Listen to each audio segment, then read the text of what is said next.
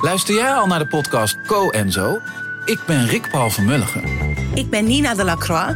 En samen met jouw man René voeden wij twee kinderen op in twee huizen. Co-ouderschap. We hebben het over alles wat je daarin tegenkomt. Maar ook over de juice tijdens onze kinderloze dagen, want die heb je ook in het co-ouderschap. Een podcast voor alle ouders in alle vormen, maar ook voor alle mensen zonder kinderen. Zijn we eerlijk, heerlijk herkenbaar. Dus luister naar Co en Zo in je favoriete podcast-app.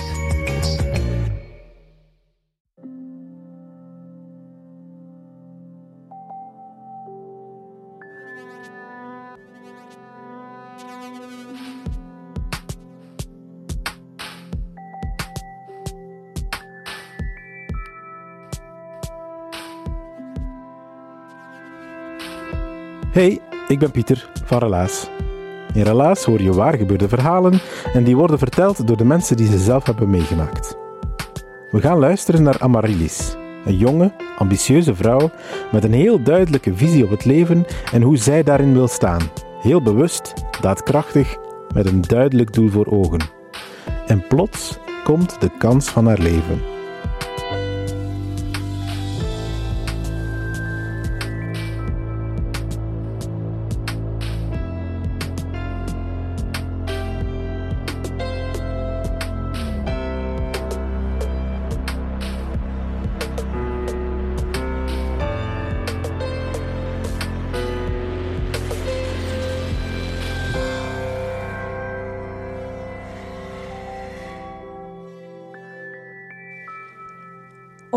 1 april 2015 word ik wakker, helemaal uitgeslapen, in ons zalig appartement bij Sint-Jacobs in Gent. Ik word wakker naast mijn lief, Simon. En we hebben samen een heerlijk ontbijt met heerlijk veel zonnestralen die binnenkomen. Terwijl hij onder de douche springt, doe ik mijn laptop open in mijn pyjama want ik werk thuis die dag. En ik zie in mijn mailbox een mailtje van Dirk de Wachter binnenkomen. Ja, de Dirk de Wachter, de bekende psychiater. Iemand waar ik enorm naar opkijk, door al zijn boeken, al zijn lezingen, al zijn wijsheid die hij deelt. Zijn wijsheid zoals succes anders durven bekijken. Dat falen ook bij het leven hoort. Dat tegenslag ook bij succes hoort. Dat hij ook, hij strijdt enorm tegen het, de maakbaarheid van geluk. Dat geluk niet alleen aan onszelf te danken is, maar ook met toeval te maken heeft. En heel veel te maken heeft ook met waar dat je geboren bent of in welke omstandigheden dat je opgroeit. Hij probeert ons allemaal te leren om een klein beetje ongelukkiger te durven en kunnen zijn, want dat is normaal en deel van het leven. Ik kan erover blijven bezig zijn, maar dan zijn we hier nog tot morgen vroeg. Uh, zoals je dus al hoort, ik heb al zijn boeken gelezen, heel veel lezingen van hem gezien. Dus je kunt je ook wel voorstellen, als ik een mailtje zie binnenkomen van Dirk de Wachter, dat ik redelijk starstruck ben met mijn ogen wagenwijd open en al mijn aandacht vlieg ik door dat mailtje en lees ik het volgende. Beste Amaryllis, samen met Pat Donné ga ik een nieuw programma maken rond geluk op het werk. Uh, voor op de radio, echt een reeks van allerlei afleveringen. En we willen dat vanuit verschillende invalshoeken bekijken. En we hebben nu gegevens doorgekregen van Machtel Verbrugge, dat je daar toch wel, uh, dat, ja, dat je daar blijkbaar veel en gepassioneerd mee bezig bent. Moest je interesse hebben om samen te werken, uh, mag je het zeker laten weten. Vanavond komen we ook al toevallig een keer samen voor een eerste brainstorm. Ook zeker welkom, moest het passen. Met vriendelijke groet, Dirk de Wachter. Ik, wat lief? Wat is dat hier? Hoe fantastisch idee is deze? Ik haal Simon van onder de douche. Ik zeg, lees deze, lees deze. Ik heb een mailtje gekregen van Dirk de Wachter om samen te werken rond geluk op het werk. Ik op de radio met Dirk de Wachter. Kunt het u voorstellen? Ja, die is natuurlijk super blij voor mij. Die leest het mailtje even mee. En uh, zegt, ja, fantastisch, hè? we lachen er nog om, want de week voordien hadden we samen nog op YouTube een lezing van hem herbekeken. Zwat, Hij rondt af en uh, gaat naar zijn werk. En ik ben echt, nog altijd perplex. Ik ben bijna aan het kwispelen gewoon, want ja, zo'n carrièrewending, dat had ik echt niet zien aankomen. Een carrièrewending, want ja, je moet twee dingen misschien op voorhand wel weten. Ik werkte toen als docent aan de Thomas More Hogeschool en ik gaf les uh, binnen toegepaste psychologie. Uh, dus de richting arbeids- en organisatiepsychologie. Dus ik was toen al super bevlogen bezig met motivatie op de werkvloer, gelukkig zijn op je werk, uh, bevlogenheid. Ja, dat is helemaal mijn dada, nog altijd. Ik gaf toen ook een bijberoep loopbaanbegeleiding, dus ik begeleide ook mensen rond hoe kunt je gelukkiger worden op je werk.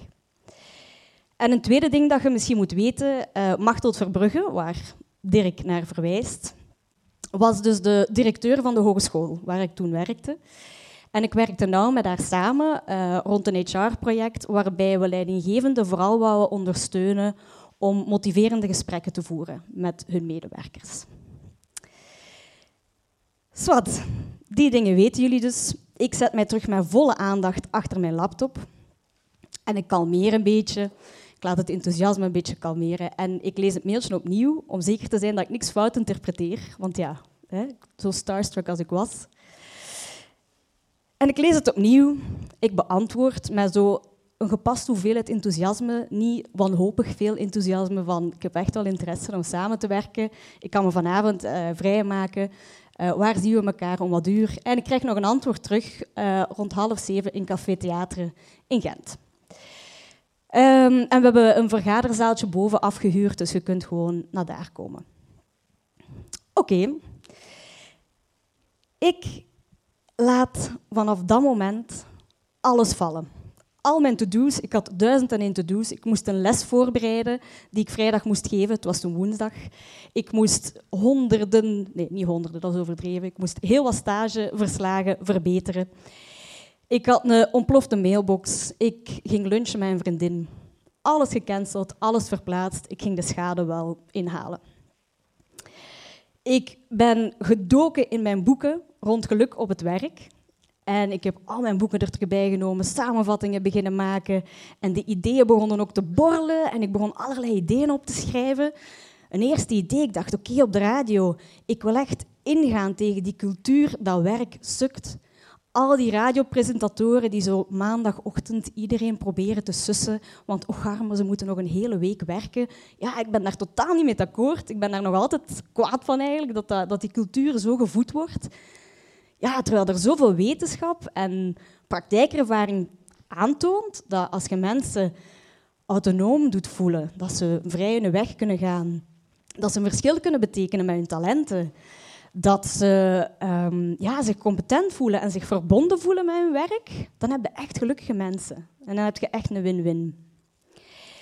Dus dat idee, ik ging echt wel al, uh, ik had echt al een idee van één aflevering kan daarover gaan zodat mensen al minder zouden aftellen naar het weekend. Een tweede idee, ik dacht, ja, mensen moeten minder keuzes maken vanuit hun ego, maar vanuit een intrinsieke motivatie. En er zijn heel wat oefeningen die je kunt doen om je intrinsieke motivatie en drijfveren te weten te komen. Daar bestaat nog zo weinig over. In geen enkel middelbare school wordt daarover gesproken. Nog een idee. Iets dat ook aansluit bij Dirk de Wachter, zijn visie van oké, eigenlijk moeten we ook op de werkplek veel meer ruimte maken voor fouten kunnen maken, voor falen. Want het is daar waar dat creativiteit kan ontstaan. Je voelt het al, ik zat op een snelheidstrein en ik bleef maar gaan met de ideeën, ideeën. Die vloeiden eruit, heel document uitgeschreven. Ik was er klaar voor. En nu tussendoor had ik het mailtje van Dirk ook doorgestuurd naar mijn baas. Ik zeg, Peter, kijk, lees hier, uh, toffe opportuniteit. Wat denkt jij ervan? Ik heb al wat ideeën om onze studenten ook te betrekken. Want hoe zalig zou het wel niet zijn om onze laatste jaarstudenten een stem te geven en ze effectief ook te laten vertellen op de radio van wat dat zij zoeken om gelukkig te zijn in hun werk. Dus ik stuur dat door. Ik krijg nog een antwoord terug van hem. Amai, maar knap. Gaat ervoor. Hou mij op de hoogte. Veel plezier vanavond. Ik was ook super dankbaar voor die opportuniteit. Dus ik stuur dat mailtje ook nog door naar Machtel Verbrugge, de directeur van de hogeschool. Van merci dat je mijn naam laat vallen. Echt super dankbaar. Ik ga, recht, ik ga de opportuniteit met mijn twee handen vastpakken En ik hou je op de hoogte. Ondertussen was het vijf uur, half zes. En tijd om mij klaar te maken. Ik douche mij. Ik maak mij ook helemaal proper. Ehm, ik kies een mooi kleedje uit. Niet te sexy, want ik moet nog slim overkomen. Maar wel mooi genoeg, want ja, uiteindelijk het zijn twee mannen. Misschien kan een klein beetje charme toch nog de deal helemaal binnenhalen. Ook zo net gepast hoeveelheid schmink. Zo een klein beetje mascara, een klein beetje blush, maar niet te veel. En vooral inhoudelijk veel kunnen vertellen. Dat was ik nog aan het opsommen terwijl ik mij aan het klaarmaken was. Ik, als kers op taart, uiteraard, spuit ik nog hoeveel deo. Zo echt die een deo die het zweet blokkeert. Kwestie dat ik geen kringen zou hebben van al mijn enthousiasme en een klein beetje zenuwen toch wel. En ik ben klaar om te vertrekken. Ik spring op mijn fiets en dat is een fietsrit die ik nooit zal vergeten. Ik was zo gelukkig. Ik was zo blij. Ik zat op mijn fiets en ik dacht, yes, wat een carrièrewending, hoe fantastisch. Ik kan eindelijk mijn ideeën naar buiten brengen. Ik kan eindelijk er echt voor gaan.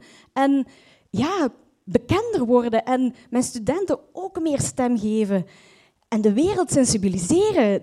ja, yes, yes, yes, hoe zalig. Ik was echt zielsgelukkig. Ik kom aan op de Kouter, vlakbij Café Theater, waar het ging doorgaan. En ik parkeer mijn fiets en ik wacht nog even, want na het fietsen heb ik altijd zo dat nazweetmomentje. Dus ik wacht nog tot de nazweet er is en ik dop de laatste druppeltjes eraf. Ik kom binnen in Café Theater en de ober spreekt mij al aan van onder welke reservatie uh, staat hier. Ik zeg ja, onder de wachter. En hij, hij kijkt zo even in zijn boekje, de wachter. Ja, was het om half zeven? Ja, ja, om half zeven. Maar hij had ook iets verteld van een zaaltje hierboven. Um, dus ja, uh, bekijk het nog maar eens even. Ik zie hem zo wat fronsen en kijken van... Zaaltje hierboven. Hij kijkt zo even naar de andere ober die naast hem staat. En zij zegt, ah ja, ja, nee, dat is waar, hierboven hebben we wel een zaaltje. Nu, ik denk niet dat dat in gebruik is op dit moment, maar bon, we kijken het nog eens even na. En terwijl dat zij het nakijken, ik was eigenlijk op mijn gemak. Ik dacht, ja, ik ben misschien een beetje te vroeg, of ze zullen ergens anders zitten. En ik kijk even rond in Café Theater. En ineens zie ik daar in de hoek Simon, mijn lief, zitten. Met een grijns van hier tot in Tokio. En het eerste wat bij mij gebeurt, is ik draai mij. En ik denk, en ik zeg ook, maar wat doe jij hier? En terwijl ik nog verder stap, het is echt slow motion bijna in mijn gedachten, die obers ben ik al volledig vergeten, denk ik nog, oh zo lief, die komt mij hier nog even ondersteunen voordat ik met Dirk de Wachter ga vergaderen. En dan begint eindelijk, eindelijk mijn frank te vallen dat het 1 april is. En dat mijn lief mij een gigantische 1 april mop heeft gelapt. En ik kom aan aan het tafeltje waar dat hij zit. Zijn grijns is ondertussen nog verder. En ik zeg, oh, het is allemaal niet waar. Dirk de Wachter is hier niet zeker. En hij glimlacht en zegt, gelukkig 1 april, schatje. En kunnen nu geloven dat mijn eerste gevoel, ik was niet kwaad. Ik was zo diep teleurgesteld dat Dirk de Wachter niet met mij wou samenwerken. dat die opportuniteit er ineens niet meer was. Ik was zo triestig dat die carrièrewending er niet was.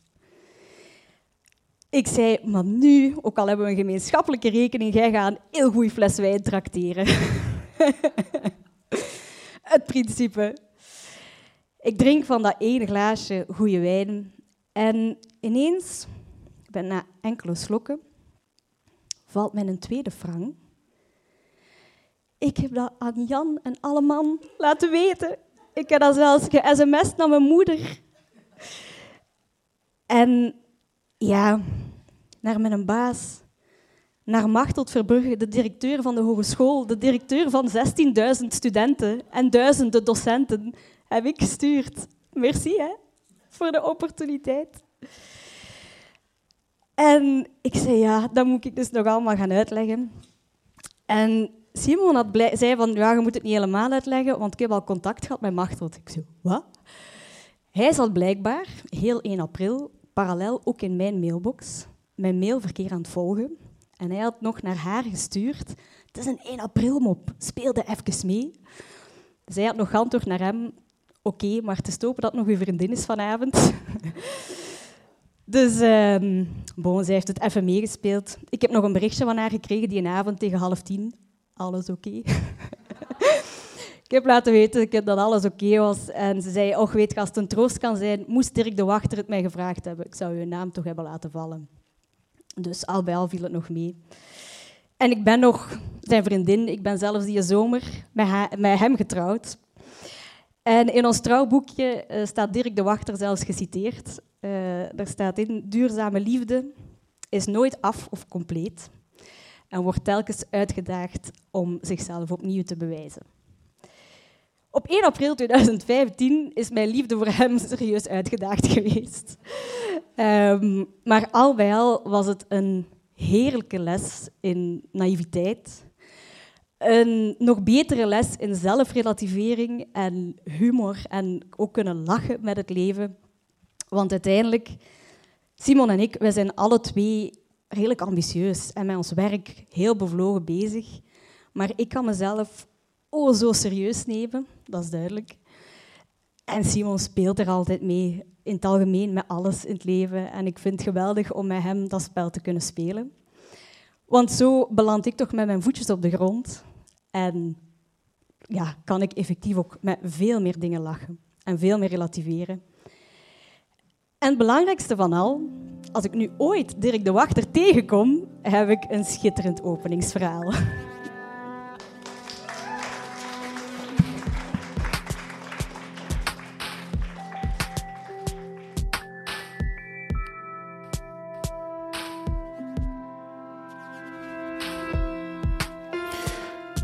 Dat was het verhaal van Amaryllis. Ze heeft het verteld in september van 2020.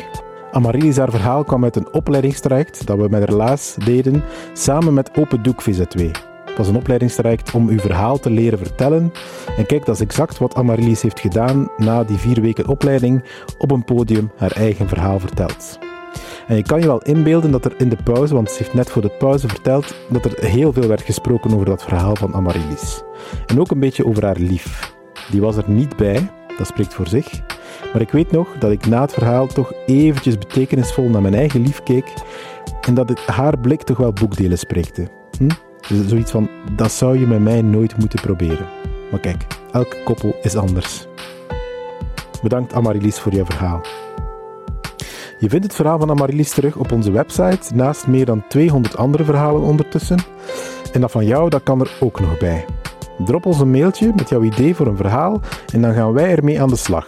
En voor je het weet, sta je ermee op ons podium. Relaas is er dankzij de afdelingen cultuur van de stad Gent en van de Vlaamse gemeenschap. Dankzij hen kunnen wij aan de slag in Gent, Antwerpen en binnenkort ook in Brugge. Onze partners zijn Huset, Den Hopzak, Pulp Deluxe, Urgent en Chase. En geen relaas zonder al onze vrijwilligers natuurlijk. Die ondertussen boeken verkopen, vertelavonden organiseren, mensen coachen, Instagram-posts maken enzovoort, enzovoort, enzovoort. Zoveel liefde voor die mensen, echt waar, niet te doen. I love you, hè. En jij, onze luisteraar, dank je wel. Onze trouwe wekelijkse vriend die wij helaas niet kunnen horen of zien laat staan aanraken. Bedankt om naar ons te blijven luisteren. Zeker nu er steeds meer en meer nieuwe podcasts bijkomen. Meer nog dan dat er paddenstoeltjes uit de grond schieten. Dank je wel.